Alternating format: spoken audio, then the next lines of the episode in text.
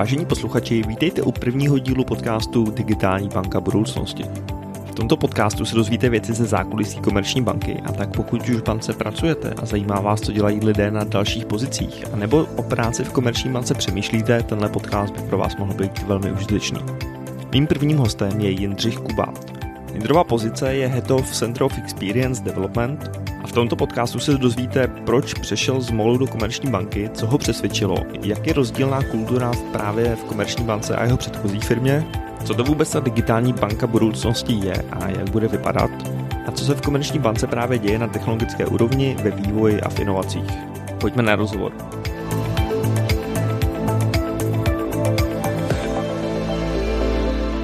Jindro, díky moc, že jste přijal tady moje pozvání prvnímu dílu podcastu. Není zač, díky za pozvání. Já jsem se chtěl pobavit obecně o vaší cestě do komerční banky. Teď jsem koukal na LinkedIn a vaše pozice je Head of Center of Experience Development. Co to trošku znamená pro lidi, kteří se s tímhle potkali ještě? Já bych řekl, že to vychází asi z nějaký metodiky, řekněme, nějakého agilního perimetru, který teďka je hrozně moderní, že jo, modernizovat, agilizovat banky a volí se na to nějaký framework, protože takhle velkou organizaci organizaci asi nemůže agilizovat jenom tak, je to jako velká, velká challenge pro všechny. Takže v rámci tohoto toho agilního frameworku vznikla vlastně pozice, nebo řekněme oblast Center of Expertise, což jsou lidi, kteří vedou určitou technologickou oblast. Development je teda jedna z nich a tím pádem já vedu veškerý development a všechny lidi, kteří spadají jako do oblasti vývoje, ať už se jedná o interní lidi, externí lidi a fixed time, fixed price dodávky. Stejně tak mám kolegy, kteří vedou test testery, stejně tak mám kolegy, kteří vedou třeba agilní jako perimetr, agilní kouče a tak dále. Mm-hmm. Co lidi představí, jak ta struktura vůbec vypadá, kdo je třeba nad váma nebo s kým vy spolupracujete tak nejvíc? Nade mnou už je vlastně board member, který spravuje celý IT perimetr, včetně jak už vývoje, operations a tak dále, takový tradiční jako pojetí. Plus tam má i nějaký čtyři triby, řekněme, které jsou hodně jako technologicky zaměřený. Jinak ta organizace organizace je rozsekaná celá do nějakých 16 tribů, hmm. takže každý board member má pod sebou určitý počet tribů a my jako COE dodáváme do všech těch tribů lidi. Takže ty biznesové triby, které jsou pod těma ostatníma board membrama, tak uh, ty mají lidi, kteří jsou jako customer journey specialisti, řekněme produktoví vlastníci a my jako CEO jim dodáváme lidi, uh, kteří jsou uh, daný té expertíze, takže jedná se o takovou maticovou strukturu potom jako řízení.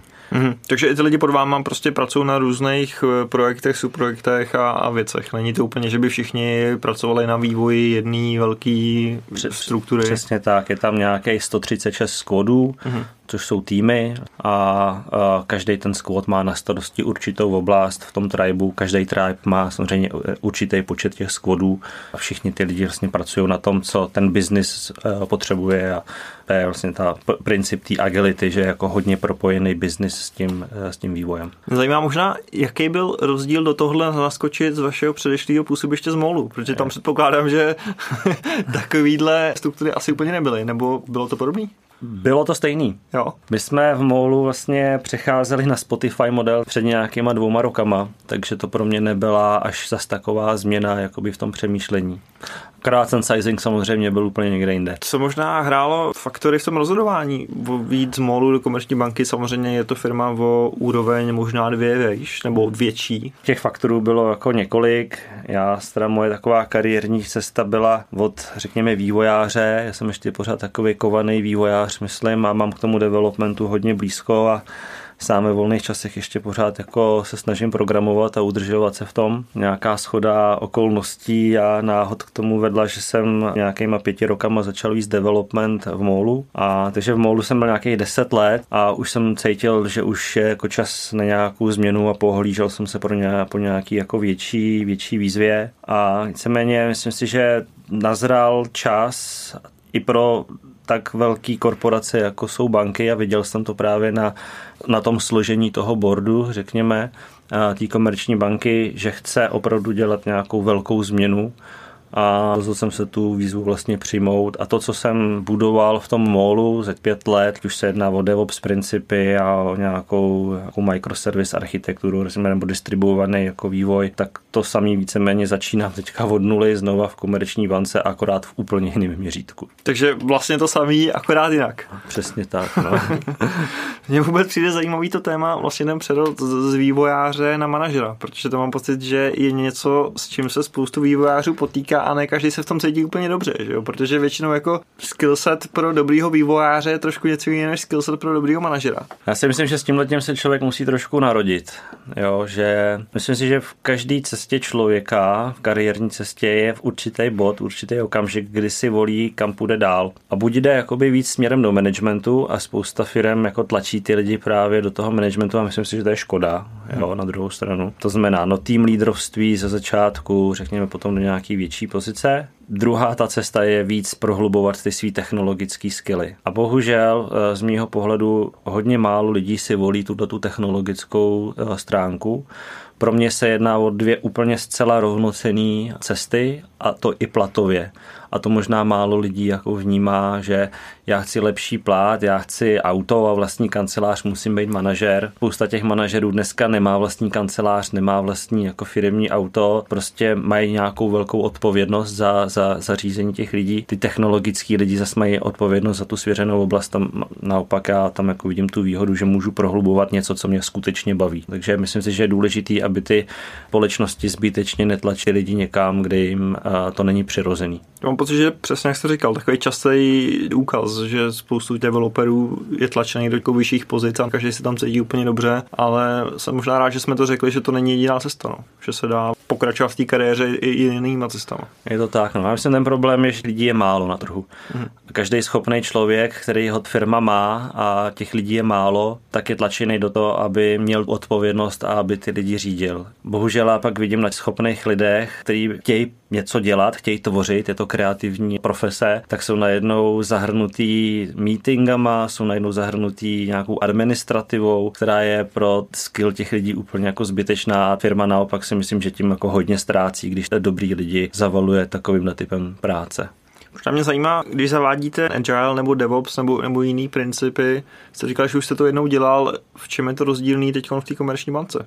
Samozřejmě vždycky se těch korporací tak jako říká, že to jsou ty zkostnatělý molochy, že jo, kde je hrozně těžký zavádět něco nového. Jo, jo. Ale to si myslím, že je takový kliše, který samozřejmě i vidíme jako z televize. Mm-hmm. Z mhm. úplně fantastický reklamy, kterou já jako mám rád, myslím, že to je jedna z nejlepších reklam, kde tam máme toho zkostnatělého týpka. Myslím, že to je Fiobanka, nějakého ala jako moderního člověka. Ale když se jako podívám na ty inovace, které jako dneska finanční svět přichází, tak je vidět, že naopak uvozovkách zkostnatělý firmy přinášejí ty největší inovace vlastně do finančního sektoru. Samozřejmě tady spousta fintechů, ty jsou jako hodně úzce specializovaný na určitou oblast, ale když si třeba vezmu, já nevím, blockchain, fantastická technologie, distribuovaná databáze, hodně rychlý, jako víceméně instantní platby, tak co dneska zavádí komerční banka s českou spořitelnou ostatníma. Instantní platby. Velká zase jako technologická věc. Já věřím, že pro spoustu lidí jako dobrá přidaná hodnota, že je vidět, že tyhle ty velké banky prostě přicházejí s inovacemi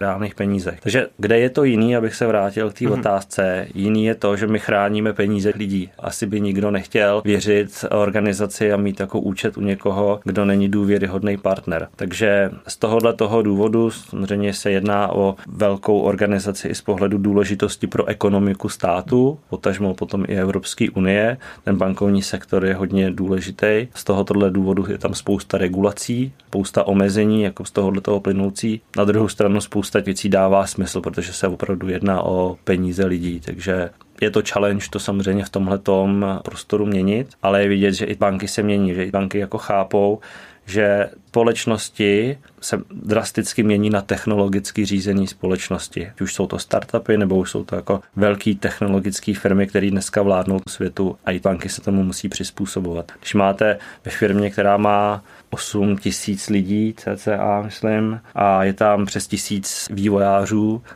nebo IT lidí, hmm. tak je to technologická firma prostě. Hmm. Jenom si to ta firma musí přiznat.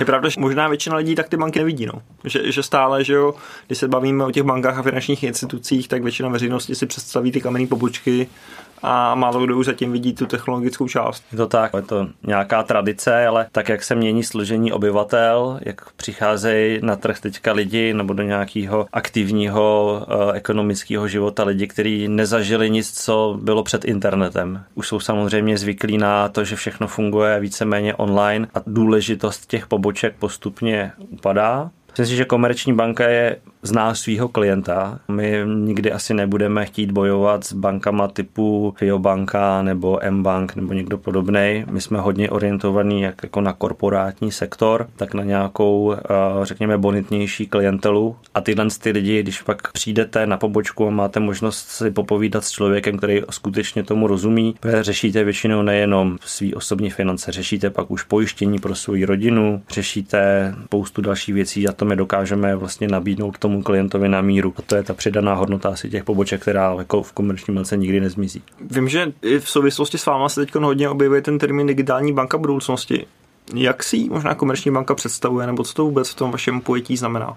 Tohle je určitě zajímavý téma. A u nás takový hlavní driver, řekl bych, této změny Margus Simpson jako board member, který přišel z Estonska, kde je úroveň digitalizace státního sektoru a vlastně nějakého komerčního sektoru na úplně jiný úrovni, než jako u nás. Mně se osobně se třeba líbil jako příběh, který Margus vyprávěl, jak to chodí v Estonsku, například, když se dva lidi chtějí vzít, Jeden vytáhne telefon, pošle na úřad, že se chce vzít, druhý vytáhne ten samý, propojí se to někde na úřadu a to je všechno. Za 14 dní přijde notifikace manželovi, jestli to myslí vážně. Pokud potvrdí, že jo, tak eh, se mu strhne nějaký malý poplatek, jako za to stačí potom vlastně dojít na to místo, kde se uzavírá ten svatek, tam proběhne nějaký obřad, oni zase spojí telefony a manželce se automaticky na všech organizacích přepíše její jméno a decit a jsou svoji, jako jo. A to je vlastně ta digitalizace. Na Facebooku se zní status.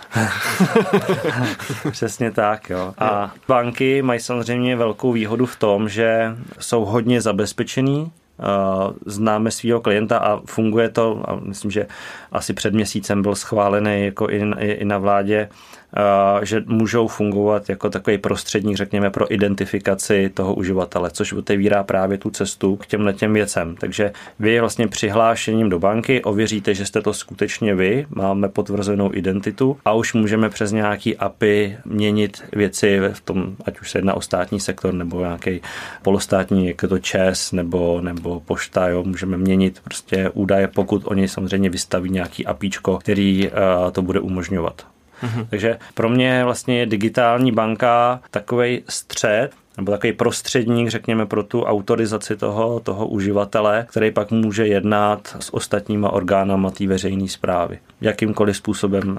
A že dneska hodně málo lidí má tu představivost, tak co to vlastně jako znamená. Od toho my potřebujeme ty digitální vizionáře, ať už je to třeba ten Margus, který nám tu cestu ukážou. Hmm, hmm. Takže prostě dosáváme se až k nějakým možná futuristickým a možná ani ne vizím, jakože budu svoji identitu potvrzovat eh, v kameře, v bankomatu a tak dále. Jako. Nebo tam přiložím svoji ruku a podle otisku prstů mi to potvrdí, že jsem opravdu já a tak dále. Může být, jo, nebo v mobilu, že my máme teďka eh, aplikaci KB klíč, což je vlastně nějaká autorizační aplikace, která jednoznačně potvrzuje, že jste to vy, to univerzální aplikace a můžeme ji používat jako všude. Takže ano, můžu teoreticky přijít jako bankomatu a přes mobilní telefon z toho bankomatu můžou vědět peníze, protože já autorizuju, že jsem jako u něj.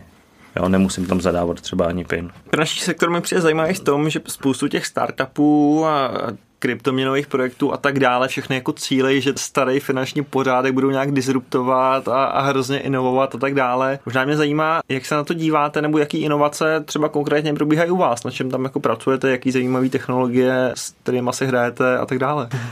Uh, já si myslím, že fintech, řekněme, to jsou nějaký startupy, ať už větší nebo menší, vždycky to je jako o lidech, kteří v tom fintechu jsou. Jo. Samozřejmě jsou tam jako některý hodně šikovní lidi, jiní nemají většinou nějaký omezení a daný nějakýma regulacema a využívají nějaký PSD2 APIčko, který je teďka jako otevřený pro všechny a můžou nad tím budovat nějaký frontend počítání prostě nějakých peněz, ať už je to třeba nějaká vizualizace nákladů, řekněme, jo, co dělá, co dělá nějaký, nějaký společnost společnosti.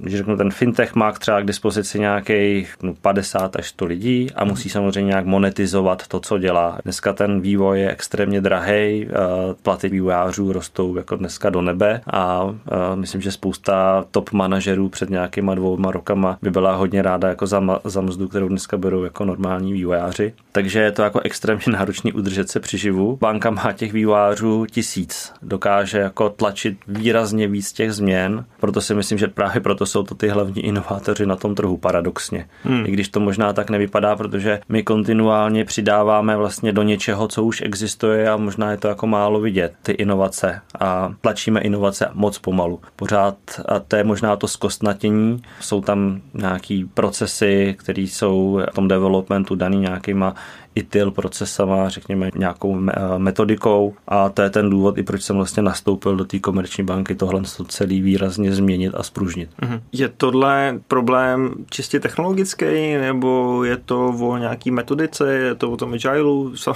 Samozřejmě trošku chápu, že ta odpověď bude asi všechno, ale co se teď specializujete, aby se tohle posunulo? Já myslím, že range musí být hrozně široký. Uh-huh od samozřejmě přesvědčování board memberů, že tohle je ten směr, kterým eh, jakoby musíme jít a oni musí nakoupit tu vizi a musí samozřejmě proto uvolnit nějaký budget nebo eh, ten budget nějakým způsobem dojednat. To je jedna, jedna stránka té věci. Pak je to spolupráce se všema pírama, který já mám vlastně kolem sebe, aby jsme nastavili správnou strategii, správnou roadmapu a tohle to vše musí dávat smysl. A pak je to samozřejmě extrémně o hiringu, který je neskutečně důležitý, protože bez lidí, bez kvalitních lidí, kteří mají ten mindset, to změnit nejde a nikdy nepůjde. Můžeme si nahoře u bordu říkat, jako co chceme a tlčit nějakou vizi.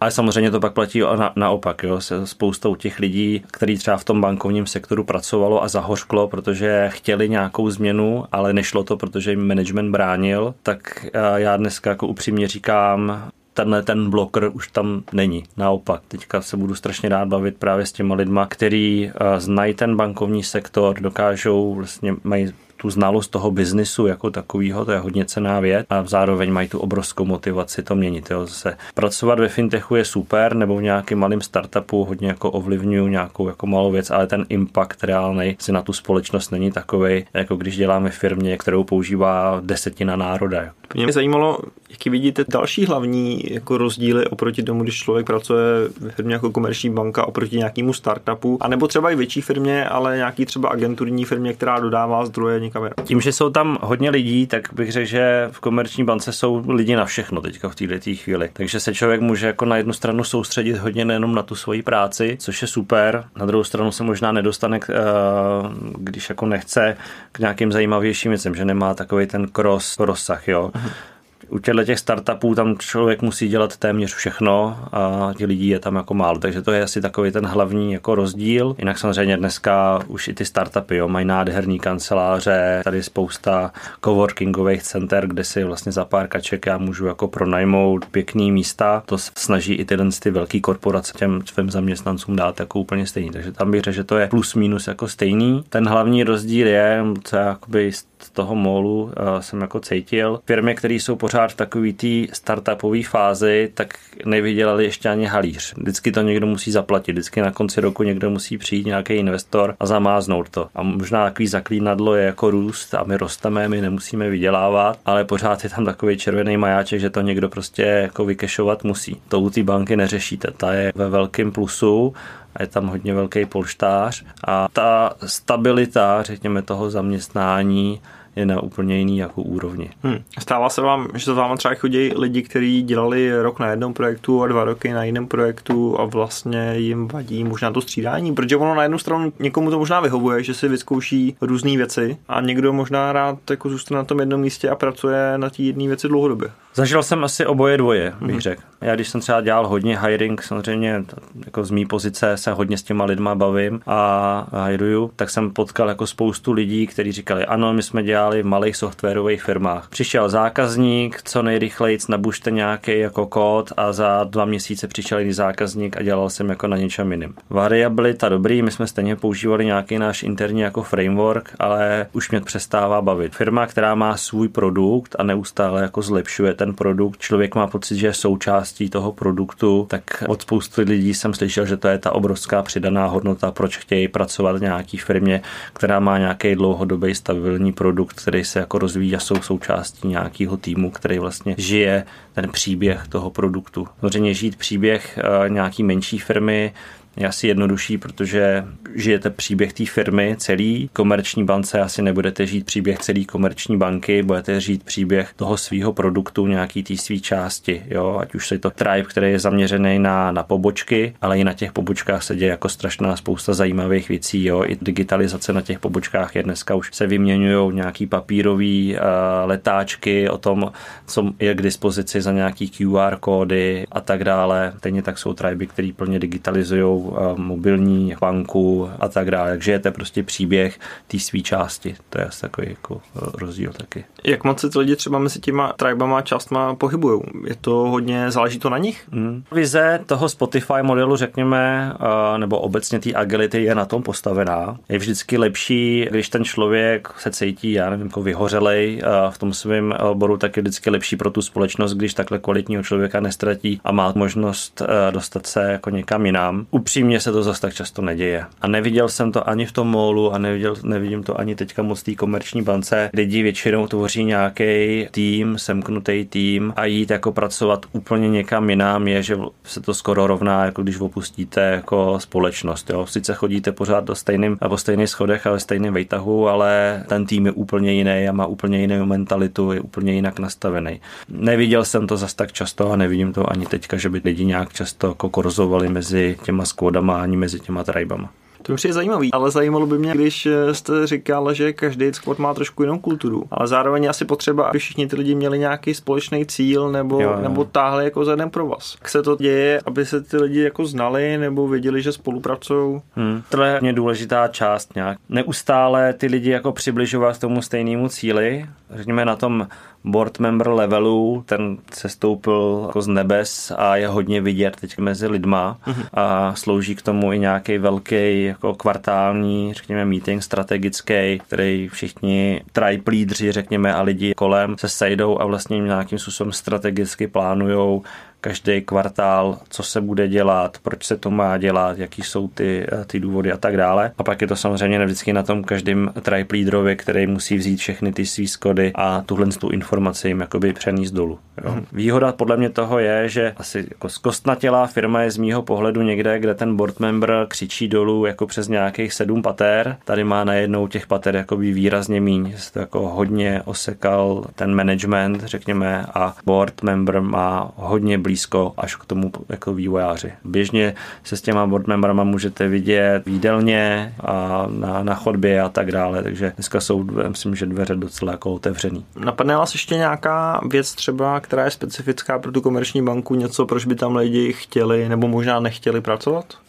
specifická. Jedna věc je, a co teď, teďka jako hodně řešíme, jako samozřejmě přesun vývojářského sídla na jeden konec Prahy, což jsou teďka stodůlky v této chvíli, takže ano, pro někoho to může být jako relativně dálka, je to skoro konečná jako Bčka, abych byl fair. Na druhou stranu já jezdím z druhé strany eh, Bčka a nějak mi to úplně jako nevadí. Jo. Já mě rád čtu, takže jsem si koupil Kindle a rád si jako něco přečtu. Ani ve výsledku do toho molu jsem to měl plus minus jako stejně, když to bylo v Holešovicích. Proč tam pracovat, tak myslím, že těch důvodů tam já osobně vidím jako hodně. Za prvý je to opravdu obrovská zkušenost pro všechny pracovat na takhle velké společnosti. Ty zkušenosti, které tam člověk jako nabere, jsou opravdu hodně zajímavý. A za druhý, myslím si, že board member i ten B-1 je hodně nakoupený teďka pro nějakou změnu, řekněme technologickou změnu a dělat ty věci jinak. To jinak pro mě teďka znamená, že my úplně kompletně chceme redefinovat celý ten development life cycle, řekněme. Výrazně víc začít uh, dělat servisně orientovanou architekturu pomocí nějakých DevOpsových principů. To jsou dva takový game changery, který úplně jako mění mindset mindset celého toho vývojového life cyclu eh, všech těch lidí okolo. A hodně se teďka bavíme o tom, jak to udělat, jak reálně opustit ty itil procesy, které tam jsou a nechat. Samozřejmě tam vždycky jako budou a musíme teďka nějakým způsobem šikovně oddělit tenhle ten svět těch procesů od toho, řekněme, novýho, kdy ty vývojáři už budou mít opravdu end-to-end odpovědnost za provoz těch aplikací. Že pořád jsme v nějakých regulích daných Českou národní bankou, platí tam nějaký segregation of duties, že musíme zvolit takový procesy, aby pořád byly dvoje oči a o ničem jiným to podle mě segregation of duties není. To je o nějakých rolích dvoje oči na tom, že to, co se nasazuje, dělá někdo jiný, nějaký jiný proces, který třeba někdo jiný jako programuje, který to pak reálně e, mění v té produkci, ale může to klidně být jako nějaká pipeline a je to hodně z mýho pohledu podobný jako nějaký startup, jako nějaká continuous delivery pipeline. Možná mě zajímalo ještě nakonec, jak se na tyhle změny třeba tváří těch tisíc eh, developerů, kteří už tam jsou. Tak já jsem měl teď příležitost k ním mluvit, nebo aspoň taky mu jako jádru na nějakým offsiteu, který jsme teďka měli. Plus já mám samozřejmě pod sebou nějakých 12 IT area lídrů, jsou jako development manažeři, každý přidělený k jednomu až ke dvou tribe. Máme eh, míň těch IT area lídrů, než je počet těch tribů. A zatím vidím, že změny, které já tam jakoby přináším, všem dávají jako obrovský obrovský smysl. Myslím si, že i dnes je tam skupina lidí, kteří něco chtěli změnit a chtěli vidět ten development přiblížit, řekněme, tomu modernímu světu toho vývoje, který jako je, funguje tam venku, takže vznikají projekty, vznikají nějaké iniciativy, které, eh, ať už se jedná o Kubernetes, ať se jedná o kontejnerizaci toho softwaru, nějaký continuous delivery pipeline, všechny tyhle ty věci už v té bance dneska jsou mm-hmm. a využívá i nějaká část těch vývojářů. Jo. Teďka je to o tom to přiznat, že ano, to je ten směr, dostat i top management support a začít to rolovat do celé banky jako úplně ke všem. A jako u každý změny. Někdo to přijme, někdo to nepřijme, někdo to přijme dřív, někdo později. Takový je život takhle velký firmě. Super. Jindro, díky moc za rozhovor. Já doufám, že si každý, kdo to poslouchal, udělal třeba trošku obrázek o tom, jak vlastně fungujete. A, a ještě jednou díky. Taky díky za pozvání. Děkujeme, že jste si poslechli první díl podcastu Digitální banka budoucnosti s Jindřichem Kubátem. Pokud vás zajímá více dílů o technologii, o IT nebo o tom, jak se právě digitální banka budoucnosti buduje, tak se určitě přihlašte k odběru tohoto podcastu ve vaší oblíbené podcastové aplikaci. Příští díl bude třeba o UX.